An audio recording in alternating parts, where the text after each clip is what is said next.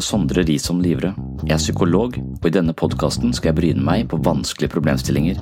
Jeg vil høre hva ateisten og den troende mener om livets mest sentrale spørsmål. Hvorfor er vi her? Hva er meningen med livet, og hva skjer når vi dør? Hvordan har alt blitt til, og når skjedde det? Hva er ondskap? Har vi fri vilje? Hvor går grensen mellom normal og gal, sannhet og vrangforestilling? Dette er store spørsmål til frokost. Velkommen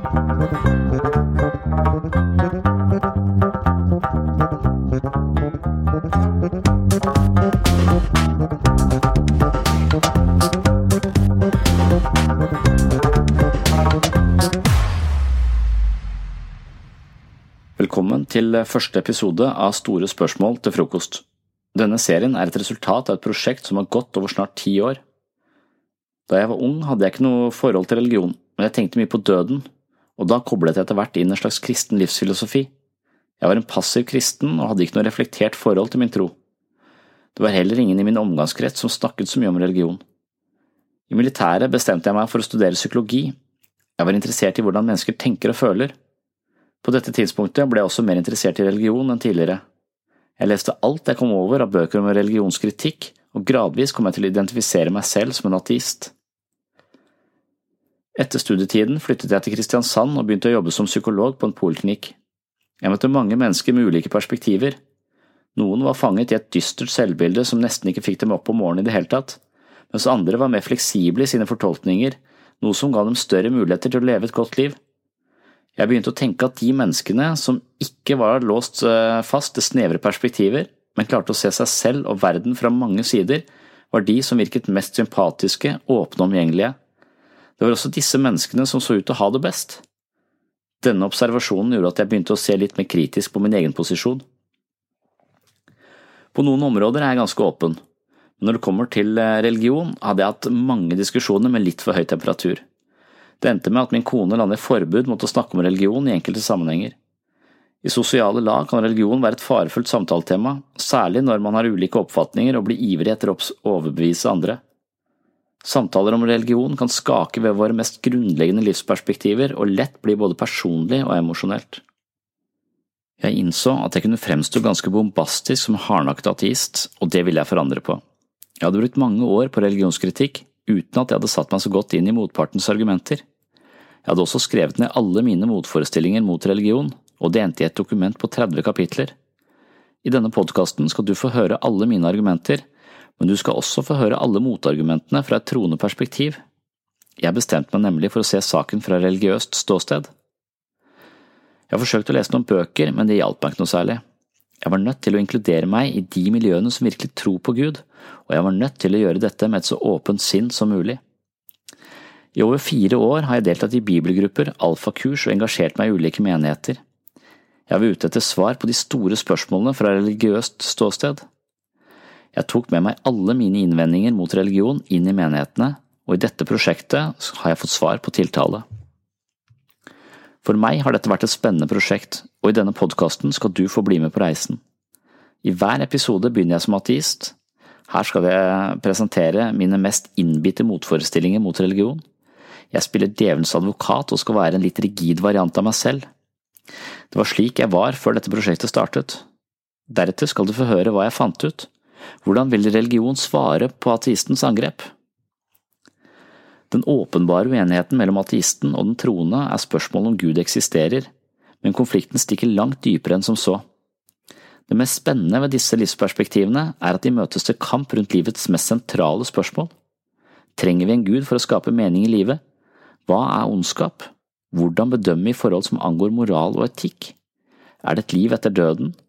Har kirken utspilt sin rolle som hovedleverandør for åndelig føde. Hva er egentlig alternativet? Har vi fri vilje, fungerer bønn, eller er det en variant av placeboeffekten? Hvor kommer vi fra, og hvor skal vi hen? Hvordan startet det hele? Hvordan styres våre livsprosjekter av våre tankemønster? Hvor går grensen mellom normal og gal, sannhet og vrangforestilling? Jeg håper at denne podkasten kan belyse alle disse spørsmålene fra flere ulike ståsteder. Det blir opp til deg å avgjøre hvilken side du faller ned på. Til syvende og sist handler det vel om hvem som har de beste argumentene. Meningsforskjeller kan ta oss dypere inn i de vanskelige spørsmålene. Dette er en podkast for den troende og den ikke-troende, agnostikeren som er usikker, og ignostikeren som ikke har satt seg inn i problemstillingen i det hele tatt, men likevel har en viss interesse for menneskets eksistensielle grunnvilkår. Kanskje kan vi til og med engasjere apatisten, som i utgangspunktet er ganske likegyldig. Det handler altså om spørsmålene som rører ved de mest grunnleggende i våre livsperspektiver, og jeg håper det kan være engasjerende. Nok en gang, velkommen til Store spørsmål til frokost.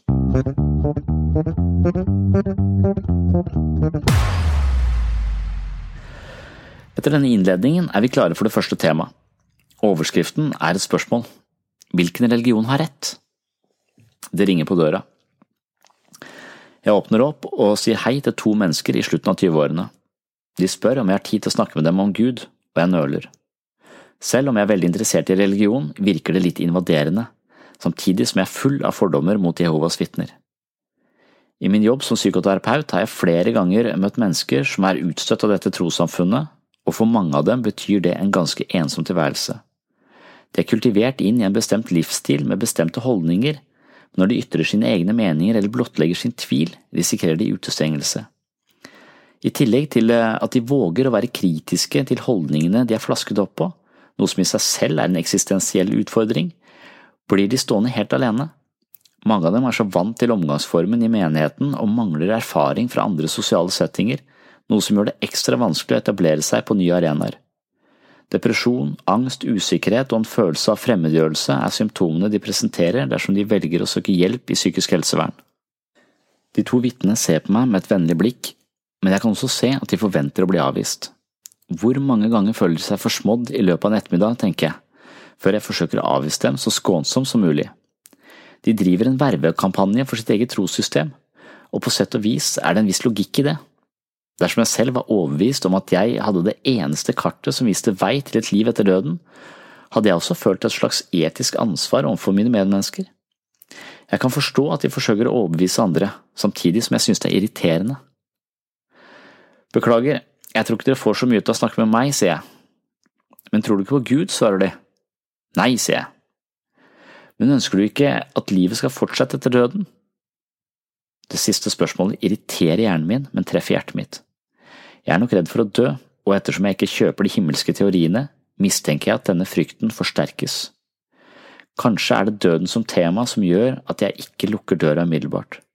Jeg blåser meg opp og lader mitt verbale gevær med de beste argumentene jeg kan komme på i farta. Det bor en mann i Irak, sier jeg, som mener at det er rett og rimelig å ha så mange som fire koner, og han tror at han dømmes til helvete hvis han spiser svinekjøtt. Han tror at alle mennesker er født som muslimer, men at mange foreldre konverterer sine barn til falske religioner. Han tror ikke at mennesket har utviklet seg fra andre arter, men er sikker på at Adam og Eva ble skapt av Gud som de første menneskene på jorda. Denne mannen bor i Irak, og det er mange andre som han. Det bor en dame i Norge, fortsetter jeg, som tror at Jesus er Guds sønn. Hun tror at Jesus ble født av en jomfru, hun tror at han ble drept, men at han sto opp fra de døde. Hun tror at Jesus lytter til hennes bønner, og at han kan utføre mirakler som går i den troendes favør. Denne damen bor i Norge, og det er mange andre som henne. Det bor en mann i Bombay som tror at han er reinkarnert opptil flere ganger. Han tror at det er mange guder, selv om han fortrinnsvis forholder seg til en av dem. Han vil ikke spise biff fordi han tror at det guddommelige gjennomsyrer alle ting, og kuer symboliserer et vesen som gir til andre på uselvisk vis. Denne mannen bor i Bombay, og det er millioner av andre mennesker som han. Det bor en dame i Los Angeles som tror at eh, hun har levd mange tidligere liv. Hun må bearbeide sine forhenværende liv gjennom en form for renselsesprosess utført av en terapeut med en elektronisk anordning. Hun er sikker på at spirituelle vesener som kalles tetens, invaderte jorden for flere tusen år siden, og at disse utenomjordiske åndsarbeiderne er årsaker til en del av våre lidelser og negative følelser. Hennes nabo tror at blodoverføring er synd, og hun vil kategorisk nekte å motta blod, også på vegne av sitt eget barn, selv om de kom, for, eh, kom ut for en ulykke hvor tilførsel av blod var livsviktig. Lenger ned i gata bor en mann som har eh, på seg en spesiell form for undertøy som beskytter ham mot syndige tanker. Han betraktes som hellig, og han tror på dåp for de døde hvor levende personer døpes på vegne av de døde. Og så er det dere, da, avslutter jeg og ser på de to vitnene som stirrer overbærende tilbake på meg. Dere tror, så vidt jeg vet, at Guds rike faktisk er en helt reell regjering med tilholdssted i himmelen, opprettet i 1914 og ledet av Jesus Kristus og 144 000 spesielt innvidde mennesker fra jorda. Først trodde jeg at det bare var håp for de 144 000, men i forrige uke var det to andre vitner her som fortalte meg at det fantes en god ordning for troende som blir tilbake på jorda. Slik jeg forstår det, er det en slags ledelse i himmelen som er i ferd med å forvandle jorda om til et paradis uten sykdom eller død, og det høres fantastisk ut, men for meg virker det for godt å være sant. Jeg tror det er sludder og pølsevev, og av alle absurde ideer det er mulig å tro på, synes jeg deres teori ligger på topp ti-lista. Slik ender samtalen hvor jeg innser at jeg nok en gang har oppført meg ufint og fordømmende. De takker for seg og går av sted, og kanskje synes de synd på meg. Disse menneskene er ikke unntaket, det er veldig mange som dem, på verdensbasis er de ikke-religiøse i mindretall. Senere på kvelden tenker jeg på det spørsmålet som kanskje ligger ved selve kjernen i mine ateistiske tilbøyeligheter, hvordan vi kan avgjøre hvilken religion som er den riktige i et hav av mer eller mindre utrolige alternativer.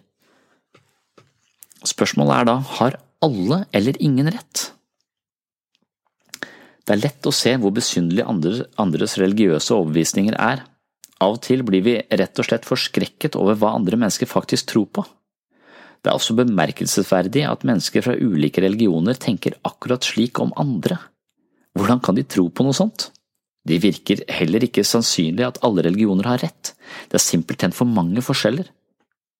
Én gud eller flere guder, reinkarnasjon eller paradis, profeter som er menneskelige og kommuniserer med Gud, eller profeter som er Guds alter ego. I forhold til religionsutøvelsen er forskjellene enda større. Hva kan man spise og når kan man spise det, hvem kan man gifte seg med og hvilke kroppsdel bør man skjære av for å blidgjøre Gud? Kanskje tar alle til en viss grad feil, bortsett fra den ene religionen man selv tilhører. Denne religionen gir iallfall mening, eller? Det virker nærliggende å tro at den guden man velger å be til avhenger av hvor man er oppvokst og i hvilken tidsepoke man har frekventert jorda.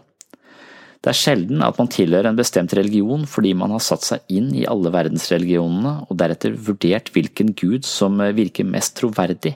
De fleste mennesker har ikke vurdert ulike religioner opp mot hverandre og på bakgrunn av dette kommet frem til hvilket trossystem de velger å basere livet sitt på.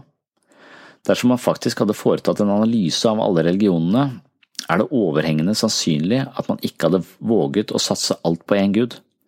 Sannsynligvis hadde man endt opp som eh, skeptiker, agnostiker eller ateist, rett og slett fordi man gjennom en slik eh, studie hadde blitt oppmerksom på mange forskjellige verdenssyn og perspektiver på livets mysterier, hvorpå det ville virke naivt eller prematurt å tro på én vinner eller én gud som overlegen alle de andre. Jo mer kunnskap man tilegner seg, desto tydeligere blir det at verden ikke bebor én endelig sannhet som forvaltes av en guddommelig instans, men snarere at verden består av uhyre mange ulike livsorienteringer og livsfilosofier som alle representerer måter å forholde seg til livet på. I en slik kontekst er alle mennesker i en viss forstand ateister, ikke-troende. Også de som eh, kommer på døra for å verve medlemmer eller vitner til sitt eget livssyn. Poenget er grovt sett eh, at det eksisterer veldig mange forskjellige trossystemer på denne jorda, og de mest lojale tilhengere innenfor ulike trossystemer hevder med forbløffende stor grad av overbevisning at deres verdenssyn er suverent. Og da er det neste spørsmålet hvorfor er akkurat jeg velsignet med sannheten? Det er altså ett forhold ved en person som er avgjørende for hva vedkommende tror på, nemlig hva foreldrene tror på. Når man får presentert religiøse doktriner man ikke er kjent med fra før, vil det ofte virke helt merkelig. Slik vil det også være hvis man møtte sin egen tro uten å være oppdratt i den. Religiøse overbevisninger krever ikke bare konstant vedlikehold, men også indoktrinering på et så tidlig tidspunkt som mulig. Man må rett og slett kultivere sine barn inn i troen allerede i de tidligste leveår. Når to velmenende vitner fra Jehova dukker opp på min dør, har jeg opparbeidet meg så mye kritisk sans at jeg er vanskelig å overbevise. Alle de store religionene vet dette, de forstår selvfølgelig at deres overlevelse er avhengig av den kommende generasjon. Derfor er det viktig å instruere og oppdra barn i den rette tro. Dersom man venter til barna har utviklet en selvstendig vurderingsevne, er det sannsynlig at man mister dem til en annen tro eller til ikke-troende. En sekt som ble kalt The Shakers fikk oppleve nettopp dette. The Shakers oppsto i England i 1747 og besto til midten av 1800-tallet. Navnet skyldes tilhengernes rykninger og ufrivillige bevegelser under møtene. Lederen, Anne Lee, lærte at Kristus eh, ved sin tilbakekomst ville bære kvinneskikkelse, og ble selv æret som den gjenkomne Kristus. Shakerne trodde på en personlig forhold til Gud gjennom Jesus, og de oppfattet livet som en kontinuerlig og personlig kamp mot synd. I denne sammenheng er det interessant å bemerke seg deres eh, forbud mot sex og barn. Shakerne ønsket hele tiden nye medlemmer velkommen, men de fikk ingen egne barn. De måtte dermed rekruttere medlemmene blant den voksne befolkningen samt adoptere barn. Dette ble etter hvert shakernes bane. Da adopsjonslovene ble endret og lagt under statlig kontroll, istedenfor eh, at det foregikk privat, ble det enda vanskeligere å opprettholde medlemstallet. Uten muligheter til å oppdra barn i deres tro, døde de ut. Dette er heller ikke spesielt overraskende. De samme metodene brukes på andre konsepter, ikke bare på Gud. Patriotisme og nasjonal stolthet bør læres på et tidlig tidspunkt og forsterkes ved jevne mellomrom. Fordommer og fremmedfrykt er to negative konsepter som går i sosial arv, mens uselviskhet og sjenerøsitet er to positive konsepter vi lærer våre barn. De merkeligste tradisjonene krever tidlig indoktrinering og mer forsterkning underveis. De mest merkverdige av våre kutymer er også mest sårbare for påvirkning utenfra og motstridende informasjon. Her er kristendommen spesielt utsatt fordi denne troen ofte lever i land hvor tilgjengeligheten av motstridende synspunkter er massiv. Dersom man ønsker å etablere og opprettholde troen på et merkelig konsept, må man først og fremst inkorporere konseptet i barnets sinnelag på et tidlig tidspunkt med den voksnes autoritet. Deretter må man forsterke de samme forestillingene ved hjelp av kontinuerlig repetisjon, og dette er vel nøyaktig det som foregår innenfor de fleste store religioner. Man må gå i kirken minst én gang i uka. Dette inkluderer ofte søndagsskole for de minste. Kristne organisasjoner eier TV og radiostasjoner for å kringkaste sitt budskap i løpet av uken. Flere barnehager, skoler og høyskoler er religiøst forankret eh, og underviser innenfor eh, de rammene som ligger implisitt eller eksplisitt i troslæren. I mange lokalsamfunn, ikke bare i kristne miljøer, møter du stadig tilhengere av samme tro, og alt man gjør filtreres gjennom religiøse ideer om hva som er rett og galt eller godt og ondt. I mer ekstreme tilfeller finnes det nasjoner hvor de, hvor de religiøse infiltrerer alle nivåer i samfunnet, og innbyggerne tvinges inn i den samme læren. Noen land bakker opp religiøse doktriner med politimyndighet, lover, straff og forfølgelse av alle med meningsforskjeller. I så måte er det ikke så rart at religion lever i beste velgående i mange områder av verden, ofte i skjul bak et slags jernteppe som beskytter det bestående. Dersom man er tilhenger av et bestemt trossystem, bør det være åpenbart at beskyttelse er nødvendig. De særegne religiøse ideene må i alle fall beskyttes fra andre religioner og fra ikke-troende. Dette er viktig for følelsen av å være i besittelse av den eksklusive sannheten. Religiøse sannheter er imidlertid ikke som andre sannheter. Vanlige sannheter, av den typen vi omgås med daglig, er som adresser i en telefonbok, navnet på statsministeren og enkel matematikk. Man må ikke kontrollere og sjekke hverdagslige sannheter gang på gang for, for å forsterkes i sin tro på deres gyldighet. Det er bare sant. Ingen debatterer disse tingene, for det vil være meningsløst. Men religiøse sannheter er annerledes. De må bevares og opprettholdes. Bibelen eller andre religiøse tekster må leses om og om igjen. Ingen uteksamineres fra søndagsskolen. Det spiller ingen rolle eh, om du har hørt påskeprekenen 10 eller 20 ganger før. For å holde troen levende må den gjentas. Vanlige sannheter har ikke dette behovet. Du behøver ikke å lese multiplikasjonstabellen ukentlig for å beholde troen på at 7 ganger 7 er 49. Sannhetene som holdes i live innenfor religiøse systemer, har selvfølgelig også forandret seg noe med tiden. Religioner ser ut til å utvikle seg, selv om de jobber hardt for å motarbeide bevegelse og forandring. Tidligere var slaveri akseptert innenfor kristendom, noe man i dag betrakter som et onde. Kvinnes posisjon i kirken har også styrket seg en del gjennom de siste årene. Den evangelisk-lutherske frikirkes første kvinnelige prest ble ordinert i 2006. Man kan vel ikke påstå at de er forut for sin tid i forhold til likestilling, men de kommer i alle fall etter. Noen kirkesamfunn tolererer homofili, anerkjenner evolusjon og aksepterer skilsmisse uten å fordømme det som syndig. Stor avstand mellom liv og lære gjør det vanskelig å opprettholde religiøse sannheter. Folk er ikke dumme, og de kan selv se at noe som dømmes som syndig eller ondt, slett ikke er det.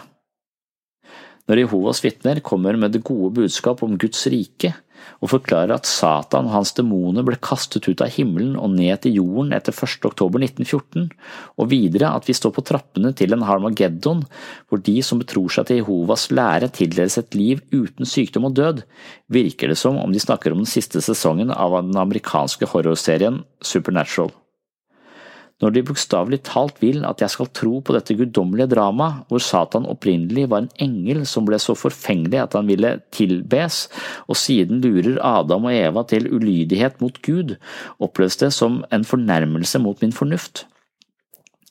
Jeg synes selv jeg har gode argumenter som antyder store svakheter i Jehovas livsfilosofi, og jeg argumenterer med brask og bram, men jeg har aldri opplevd at et vitne kjøper mine argumenter eh, og får behov for å tenke seg om en gang til. Mine argumenter har virkelig ingen påvirkningskraft på dem, og vice versa. Psykologisk sett er det viktig at et trossystem klarer å nå dypt inn i menneskets sinnelag, de må ligge som en del av menneskets grunnleggende psykiske operativsystem for å beholde sin posisjon. Å få troende til å kontrollere sine egne tanker og beskytte seg mot feilaktig tankegods er kanskje den viktigste utfordringen. I tillegg til å begrense ytre påvirkninger så mye som mulig, gjør eh, trossamfunn lurt i å forgripe vanskelige spørsmål som kommer til å dukke opp hos medlemmene før eller siden. Dette kan være med på å forklare hvorfor eh, mange kirkesamfunn er opptatt av temaer som evolusjon, abort og andre ting som eh, strengt talt ligger eh, litt i periferien av religionens domene. Et trossystem er nødt til å adressere de vanskelige spørsmålene. Hva kjennetegner et godt og sunt liv? Hvordan skal vi fungere sammen, og hvilken type lederskap skal vi godta? Hvor kommer vi fra, og hvor skal vi hen? Hva er meningen med livet? Hvis ulike menigheter ikke bryr seg med slike spørsmål, åpner de for selvstendig tenkning, dyp kontemplasjon, grubling, tvil og logiske resonnementer. En kirke som unngår de vanskelige spørsmålene, vil tape terreng fordi medlemmene kommer til å finne solide svar andre steder. Har du en sannhet, vokt den vel, beskytt den mot andre sannheter og vanskelige spørsmål. Lær opp de unge og skap et samfunn av likesinnede. På den måten blir din sannhet immun mot innsigelser og kritikk. Og du må ikke bry deg om at andre mennesker gjør akkurat det samme med sin sannhet. For de tar jo feil, eller? Dette er altså ateistens bitende kritikk, og spørsmålet gjennom hele denne podkasten er hva religiøst ståsted vil svare på denne typen innspill. Neste del av denne episoden er derfor et forsøk på å gi den troende posisjonen en stemme. Det betyr at jeg tar av meg ateisthatten og flytter meg over i den troende leiren hvor jeg tross alt har tilbrakt mye tid de siste fire årene.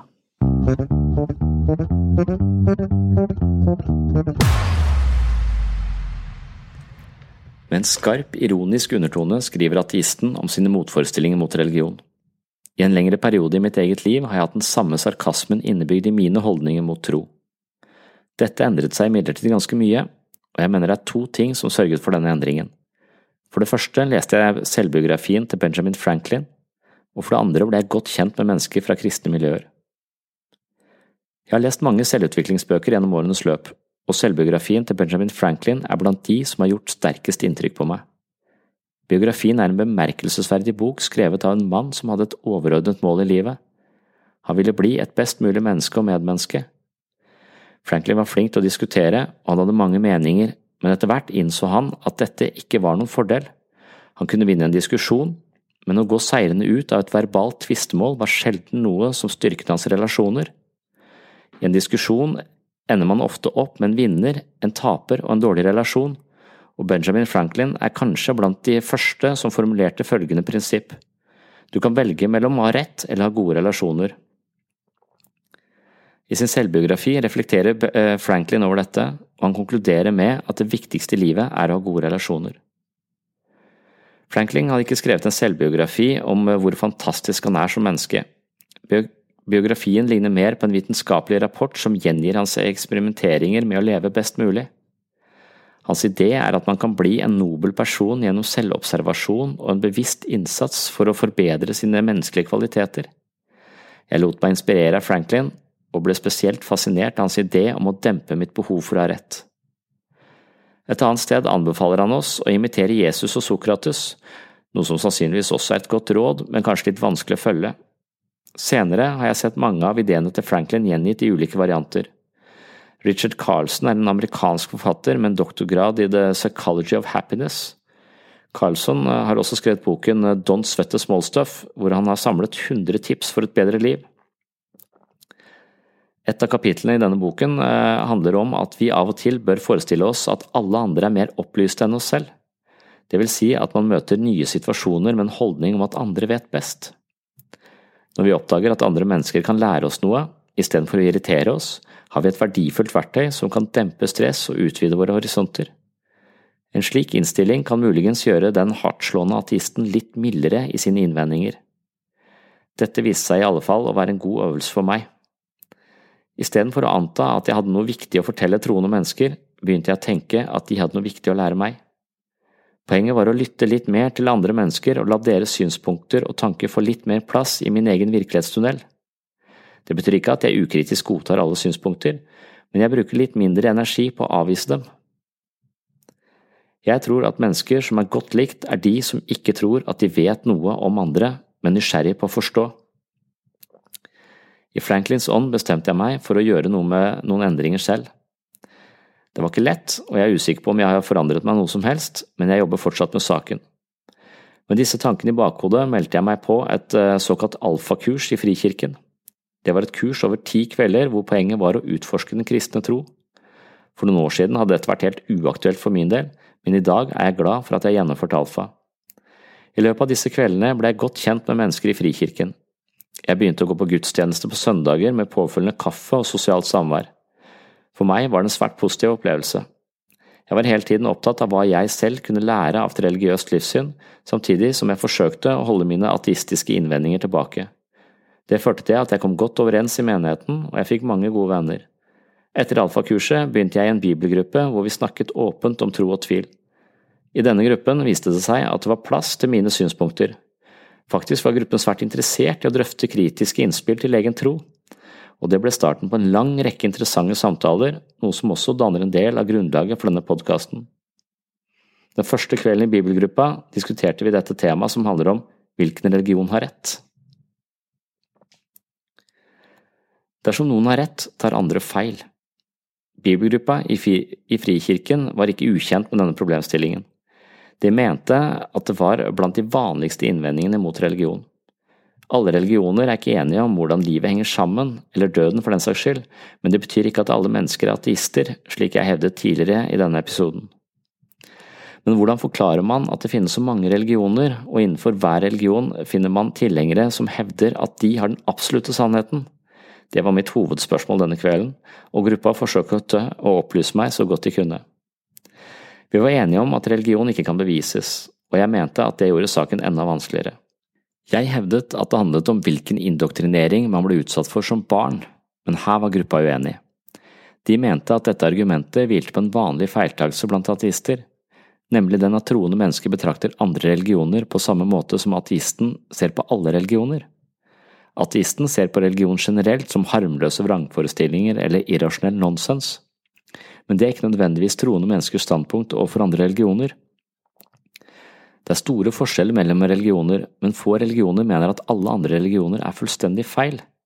Når en kristen ser på en muslim, ser han en som tror at det finnes én gud, og han er Abrahams gud, selv om de kaller ham med forskjellige navn.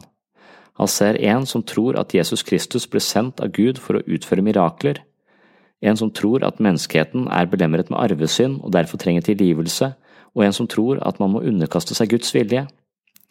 Det er selvfølgelig mange områder hvor islam og kristendom skiller seg, men det vil være galt å påstå at en typisk kristen ser på islam som en fullstendig feilaktig religion. En kristen vil snarere påstå at muslimene er inne på noe viktig, men at det er en del områder innenfor islam som burde korrigeres.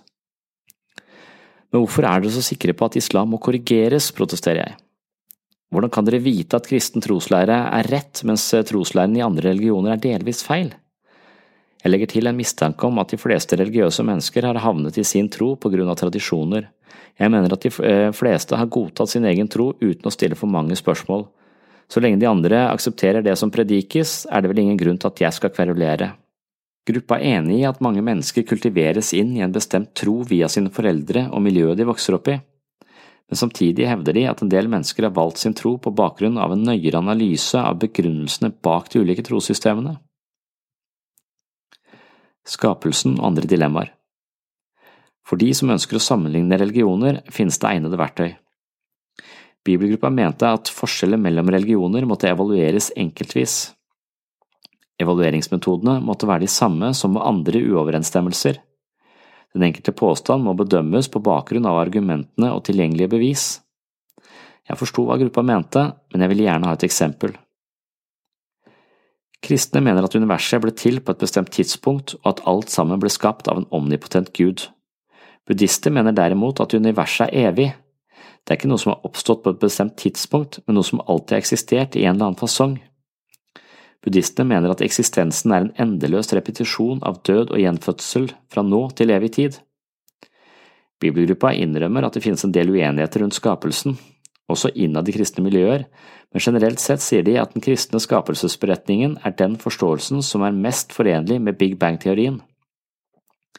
Mens naturvitenskapen beskriver de fysiske forholdene ved jordas opprinnelse, vil kristendommen tilføye en plausibel forklaring på årsaken og meningen bak Big Bang. Siden tid og rom var noe som oppsto ved universets begynnelse, må årsaken til skapelsen være noe immaterielt utenfor tid og rom. Samtidig antar de at det må være en slags personlig vilje og hensikt bak skapelsen, siden abstrakte objekter som tall, formler og konsepter ikke kan forårsake noe som helst. Buddhistenes forklaring leder oss derimot inn i en uendelig rekke av tidligere universer, og noen mener at det er uforenlig med de erfaringene vi har fra vår verden. Jeg forsto bare delvis denne argumentasjonen, og jeg følte meg ikke kompetent til å avgjøre argumentets kvalitet. Jeg kjente til det såkalte kosmologiske gudsbeviset fra før, og jeg har forstått at det er hårfine nyanser som gjør at de kristne ikke havner i en uendelig regress, slik som de anklager buddhistene for.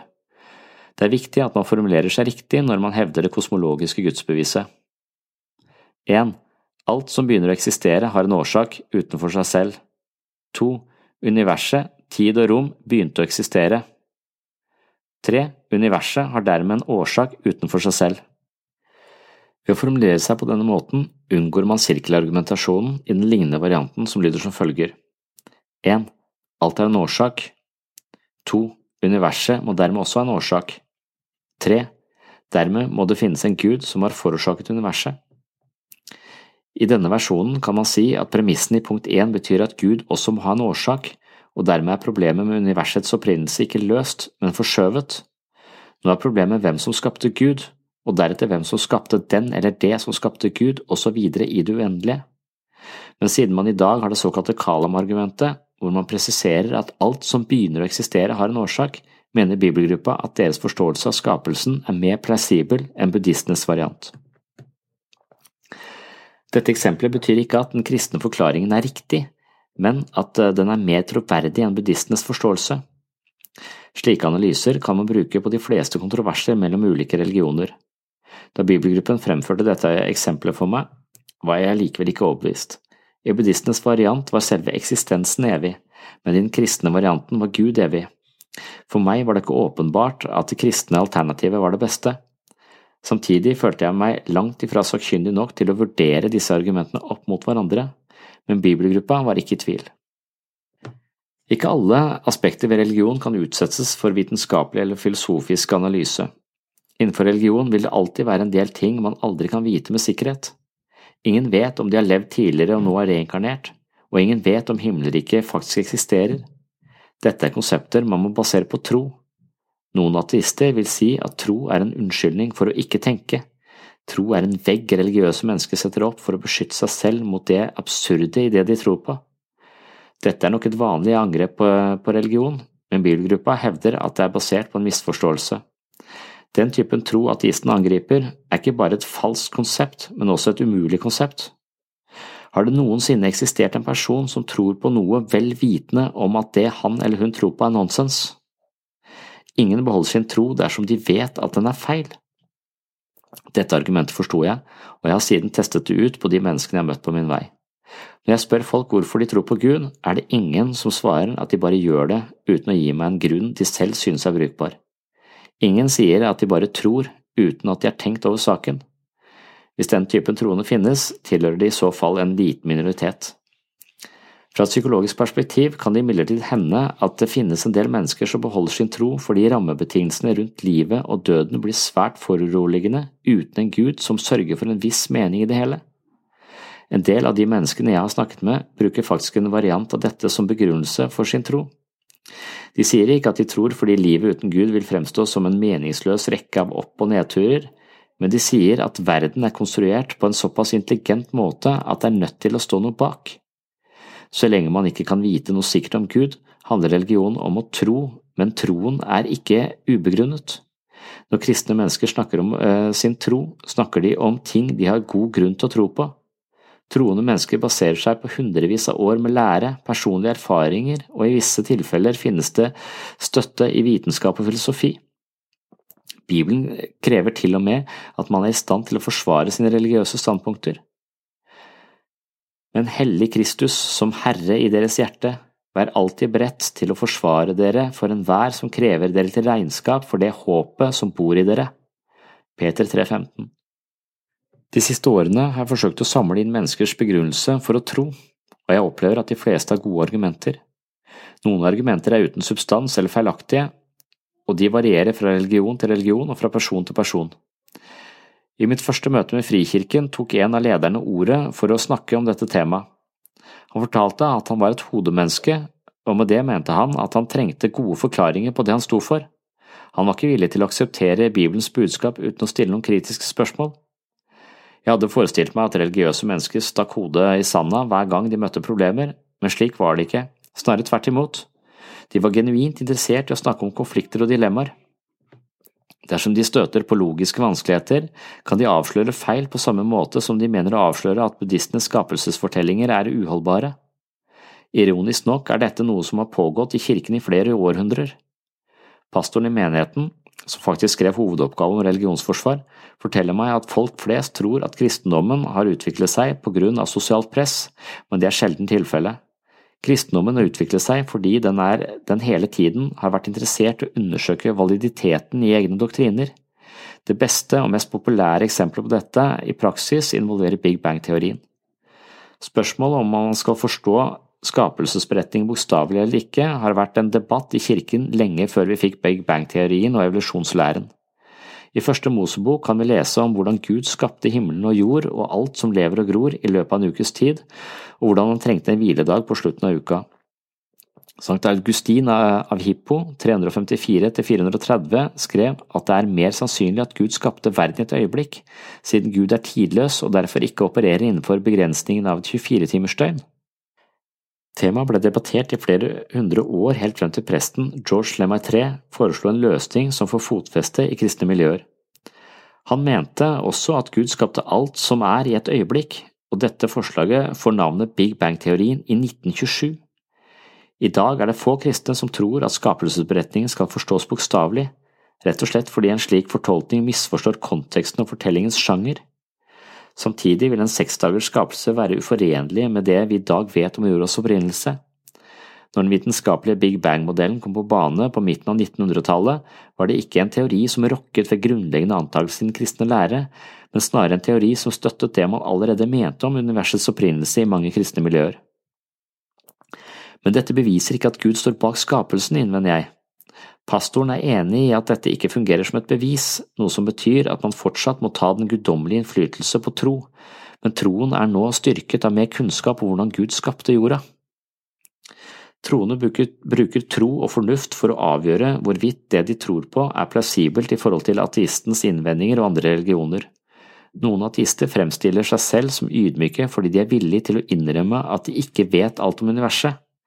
Min erfaring er at kristne har den samme holdningen. Man kan ikke tro på noe man vet med sikkerhet, og det er en del av kjernen i religion. Den eneste forskjellen på en teist og en ateist er at teisten er villig til å tro på det han eller hun føler er de mest fornuftige forklaringene før man klarer å fremskaffe flere svar, selv om man er nødt til å dø før man får de endelige svarene. Ideen om at religiøse overbevisninger er de eneste ideene som trenger kontinuerlig repetisjon for å overleve, er sannsynligvis også grovt overdrevet. Som psykolog jobber jeg daglig med mennesker som forsøker å gjøre positive forandringer i eget liv, og jeg vet at gode vaner er noe som krever gjentagelse, pleie og vedlikehold.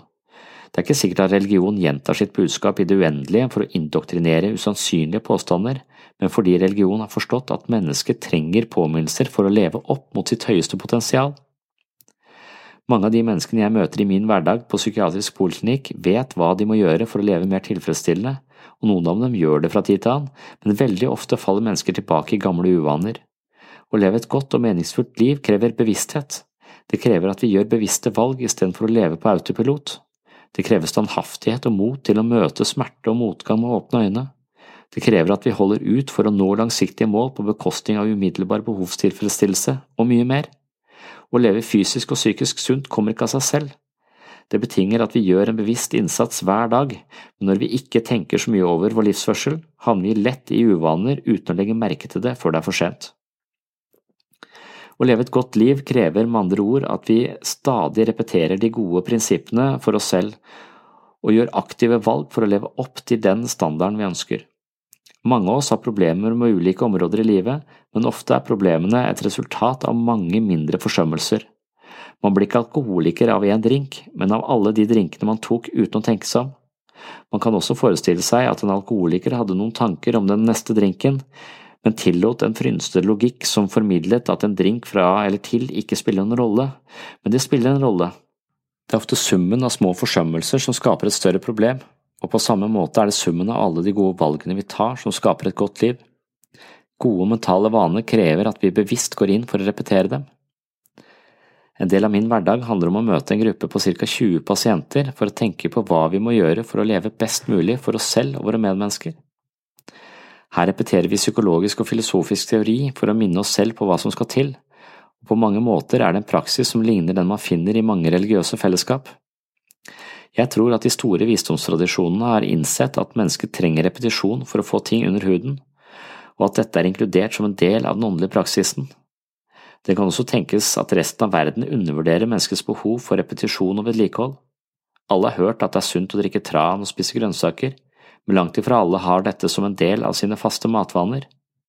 Innenfor psykisk helse vet man at kosthold påvirker eh, psyken, og fra tid til annen arrangerer vi undervisning om sunt kosthold, men sporadisk undervisning om kosthold har liten effekt. For å lykkes med kostholdsendringer var vi nødt til å sette sammen en gruppe som forpliktet seg til å møtes ukentlig med et felles mål om en sunnere hverdag. Gruppen støtter hverandre, diskuterer kosthold, setter seg mål og jobber med et mer eh, bevisst forhold til mat hver uke. Dette er nok et eksempel på at gjentagelse over tid er nødvendig for å leve opp til våre beste ambisjoner. Blant de egenskapene som er mest selvutviklende i forhold til mental helse, er ikke en daglig dose med Møllers tran, men evnen til empati og medfølelse. Når livet handler om å gjøre sine plikter for å tilkjempe seg flest mulig fordeler, lever vi ofte på en anstrengt måte preget av stress, konkurranse og smålighet. Slike følelser sliter på oss både fysisk og psykisk, og det tapper oss for energi og livsglede. Jeg tror at både Jesus, Buddha og de fleste store visdomstradisjoner vil være enige om at medfølelse er den mest potente medisin man kan ta mot depresjon, stress, indre uro og et ulykkelig liv. Dalai Lama anbefaler oss å meditere på medfølelse og takknemlighet. Jesus har en lignende anbefaling når han sier at vi skal be for våre fiender, også elsk dine fiender, noe som sannsynligvis er motivert av en lignende innsikt. Tanken er at gode evner til medfølelse vil underminere eller presse destruktive følelser ut av det menneskelige sinnelag. Medfølelse hjelper oss å innta et større perspektiv. Det er en sympatisk følelse som assosieres med indre fred, mental balanse og generell god helse. Motsatt vil sinne, sjalusi, håmod, forakt og lignende ha en direkte helseskadelig konsekvens. Jeg opplever at mange religiøse fellesskap har satt dette inn i system. Hver uke møtes de for å be for andre, det vil si at de kultiverer omtanke for andre på regelmessig basis, og jeg tror det er en god ting. Av og til har jeg opplevd at det å be for andre er et påskudd for å sladre om dem, men det synes å være unntaksvis. Gudstjenestene i kirken på søndager inneholder en del faste ritualer og en del gjentagende påminnelser, men mange av dem er godarta. Husk at du er verdifull uansett, og husk at din omtanke kan lindre andres smerte. Det er noen som bryr seg om deg, ser deg og vil deg vel, Ta dette med deg inn i uka, og jeg er ganske sikker på at det vil ha en positiv innvirkning på mange områder. Fra et ateistisk ståsted hadde jeg et litt eh, annet perspektiv på alle gjentagelsene. Hypotesen var at religiøse ideer var så vanvittige at de måtte forsterkes ukentlig for å holdes ved lag. De fleste troende mennesker jeg har møtt på min vei, synes dette argumentet er latterlig. Å påstå at de troende samles i fellesskap med likesinnede for å beskytte seg mot feilaktige tanker fra den sekulære verden, er både nedlatende og kanskje litt ulogisk. Du undervurderer den forklarende kraften de troende finner i religion, og samtidig er det en misforståelse av hensikten med den kristne lære. De troende samler seg ikke i menigheter med likesinnede for å unngå intellektuelle feilskjær, men for å unngå moralske feilskjær. Det er kanskje ikke helt galt å si at kristne vil beskytte seg selv mot farlige tanker, dersom farlige tanker betyr umoral. Å gå i kirken handler ikke bare om utdanning og kunnskap, men om motivasjon, støtte, inspirasjon og tilbedelse. Det handler om å kultivere sine idealer, og sånn sett er fellesskapet blant likesinnede en arena som understøtter den livsfilosofien de har valgt å leve etter. Det er vel også et eh, faktum at religiøs lære må forsterkes og gjentas for å beholde sin kraft, i motsetning til eh, matematiske og historiske fakta, men det er kanskje en dårlig sammenligning. Religioner er verdenssyn som stammer fra fortolkninger av historiske og vitenskapelige sannheter. Det er vel også slik eh, at vår evne til å huske et bestemt utsagn ikke sier noe om sannhetsverdien. Som barn lærte jeg at Christoffer Columbus oppdaget Amerika i 1492. Av en eller annen grunn kan jeg fortsatt gjengi dette årstallet selv om jeg ikke har tenkt på Columbus siden ungdomsskolen. Når jeg undersøker denne saken på nytt, viser det seg at Columbus ikke var førstemann til Amerika. Vikingene, med Leif Eriksson i spissen, var visstnok de første europeerne på amerikansk kontinent, og de var der nesten 500 år før Columbus tok turen. Man kan vel heller ikke si at eh, kontinentet ble oppdaget i og med at det allerede var bebodd. Columbus sin oppdagelse er historisk informasjon som ikke trenger å repeteres, men mye av det man mener å vite om Columbus er fullstendig feil. Naturalisme I en samtale med en kristen venn om dette temaet hevdet han at ateisten burde feie for egen dør før han serverte den typen argumentasjon. Selv om religiøse sannheter må repeteres, betyr det ikke at det som står i Bibelen er svada. Det betyr heller ikke at innholdet i kristen tro er så avsindig at man må indoktrineres ukentlig for å beholde troen. Espen virket sikker i sin sak, og han hadde et poeng jeg ikke hadde tenkt på fra før. Jeg vet ikke om argumentet hans var godt, men det rystet meg. Hva med din egen tro, sa Espen. Min egen tro? Jeg har ingen tro, svarte jeg. Espen mente at de fleste ateister vil sverge til en form for naturalisme, det vil si et verdenssyn som hevder at livet ikke har noen egentlig verdi. Når vi likevel opplever verdi, er det fordi vi har laget oss en illusjon om verdi som vi tilskriver livet. En av disse illusjonene er ideen om godt og ondt. Fra et naturalistisk ståsted er det vi kaller ondt det som er ugunstig for oss. Å drepe for moro skyld er i utgangspunktet verken godt eller ondt, men det er feil fordi det ødelegger for mennesket som rase. Profilerte ateister som Richard Dawkins vil ofte ytre seg på denne måten. Fra et evolusjonsperspektiv er vi overlevelsesdyktige fordi vi kan samarbeide, noe som betyr at vi er genetisk disponert for vennskap.